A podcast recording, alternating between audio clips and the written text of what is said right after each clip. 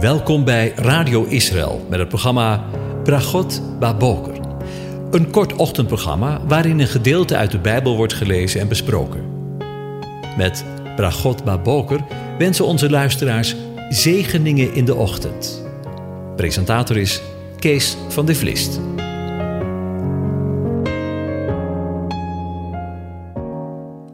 Goedemorgen, luisteraars. Vanmorgen gaan we weer verder met Psalm 91. Ik lees het opnieuw aan je voor. Wie in de schuilplaats van de Allerhoogste is gezeten, zal vernachten in de schaduw van de Almachtige. Ik zeg tegen de Heere, mijn toevlucht en mijn burcht, mijn God, op wie ik vertrouw. Want hij zal u redden van de strik van de vogelvanger, van de zeer verderfelijke pest. Hij zal u beschutten met zijn vlerken. Onder zijn vleugels zult u de toevlucht nemen. Zijn trouw is een schild en een panzer. U zult niet vrezen voor de beangstigende van de nacht, voor de pijl die overdag aankomt vliegen, voor de pest die in het donker rondgaat, voor het verderf dat midden op de dag verwoest. Al zullen er duizend vallen aan uw rechterzijde en tienduizend aan uw rechterhand, bij u zal het onheil niet ook komen. Slechts met uw ogen zult u het aanschouwen, u zult de vergelding van de goddelozen zien. Want u, heren, u bent mijn toevlucht, de Allerhoogste, hebt u tot uw woning gemaakt. Geen onheil zal u overkomen, geen plaag zal uw tent naderen. Want hij zal voor u zijn engelen bevel geven dat zij u bewaren op al uw wegen. Zij zullen u op de handen dragen, zodat u uw voet aan geen steen stoot. Op de felle leeuw en adder zult u trappen, u zult de jonge leeuw en de slang vertrappen. Omdat hij liefde voor mij opgevat heeft, zegt God, zal ik hem bevrijden. Ik zal hem in een veilige vesting zetten, want hij kent mijn naam. Hij zal mij aanroepen en ik zal hem verhoren. In de benauwdheid zal ik bij hem zijn. Ik zal hem eruit helpen en hem verheerlijken. Ik zal hem met lengte van dagen verzadigen. Ik zal hem mijn heil doen zien. Tot zover. Over engelen gesproken. We willen vanmorgen even stilstaan bij de woorden, want hij zal voor u zijn engelen bevel geven dat zij u bewaren op al uw wegen. Zij zullen u op de handen dragen, zoals u uw voet aan geen steeds stoot. Corrie ten Boom zei eens: Over demonen en het verwoestende werk wordt veel geschreven, maar over engelen en hun heilzame werk veel minder. En toch zegt de Bijbel heel veel over deze dienaren van God, die de gelovigen bijstaan. Corrie ten Boom ontdekte dat het echte gangmakers zijn. Schiet op! Sta op! Ga! Engelen zijn ook actief in onze tijd. Bemoedigend, troostend, leerzaam, corrigeren, stimulerend. Einde citaat. De meeste engelen zijn ons welgezind. De rabbijnen halen in dit verband Psalm 91 aan. Al vallen er duizend aan uw zijde, tienduizend aan uw rechterhand, tot u zal het niet genaken. De rabbijnen horen vaak meer in de tekst dan de doorsnee mens. De rabbijnse lezing van deze tekst is dan: Er zijn er duizend om te vallen aan de linkerzijde en tienduizend aan de rechterzijde. Dat betekent niet dat ze allemaal gaan vallen, maar dat betekent dat als iemand valt, dan staan er aan je linkerzijde duizend en aan je rechterzijde tienduizend de rabbijnen zeggen dan: de linkerkant is de kant van het kwaad, de rechterkant is de kant van het goede.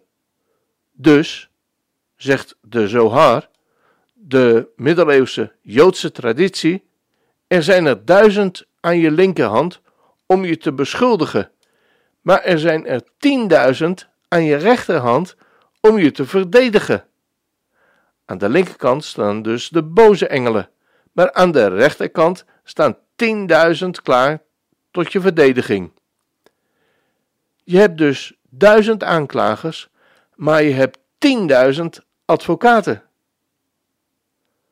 Dat is dus niet, gelukkig niet, in evenwicht. Wij geloven niet in een evenwicht tussen goed en kwaad. Maar wij geloven in het overwicht van het goede.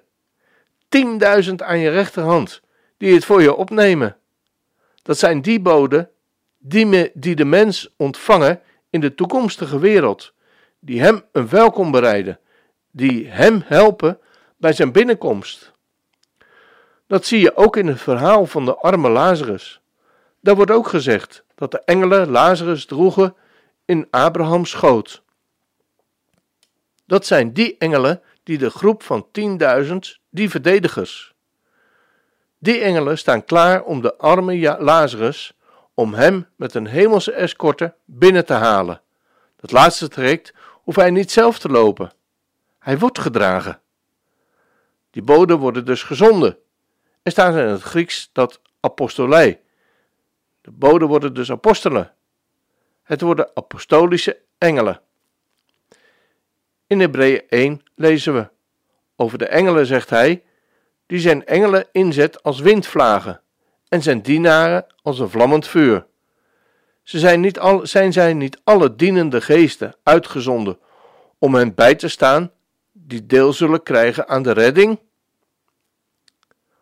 Hoewel we soms denken dat engelen alleen in de Bijbel voorkomen, zijn ze vandaag de dag niet minder actief.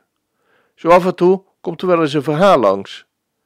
Je hoort ze niet heel veel, maar als je ze hoort, zijn ze indrukwekkend. We sluiten af met het volgende waar gebeurde verhaal. In Congo, in een huis, een internaat, waren 200 zendelingskinderen. Rebellen waren van plan alle kinderen en hun onderwijzers en onderwijzeressen te vermoorden. Toen ze in het internaat de rebellen zagen aankomen, gingen de kinderen, de onderwijzers en de onderwijzeressen op hun knieën en baden God om bescherming. Er was een kleine weg om het huis en er waren een paar soldaten bij hen. Maar dat betekende niets tegenover zo'n grote overmacht aan van vijanden. Plotseling zagen ze dat de rebellen zich omkeerden en wegrenden. De volgende dag gebeurde hetzelfde, en ook de daaropvolgende dag. De rebellen kwamen daarna niet meer terug. Een van de rebellen was gewond geraakt en werd naar het zendingshospitaal gebracht.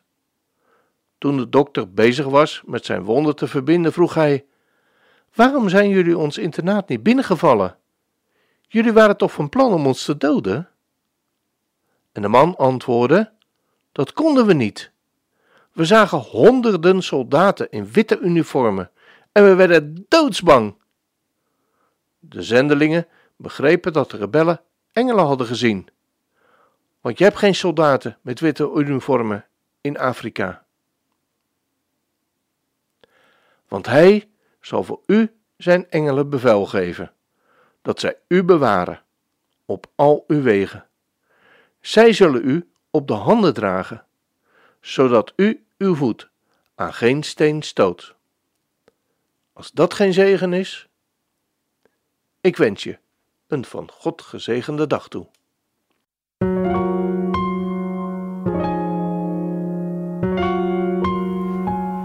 U hebt geluisterd naar het programma Bragot Baboker. Een kort ochtendprogramma waarin een gedeelte uit de Bijbel wordt gelezen en besproken. Wilt u het programma nog eens naluisteren, dan kan dat. Ga naar radioisrael.nl en klik onder het kopje radio op Uitzending gemist.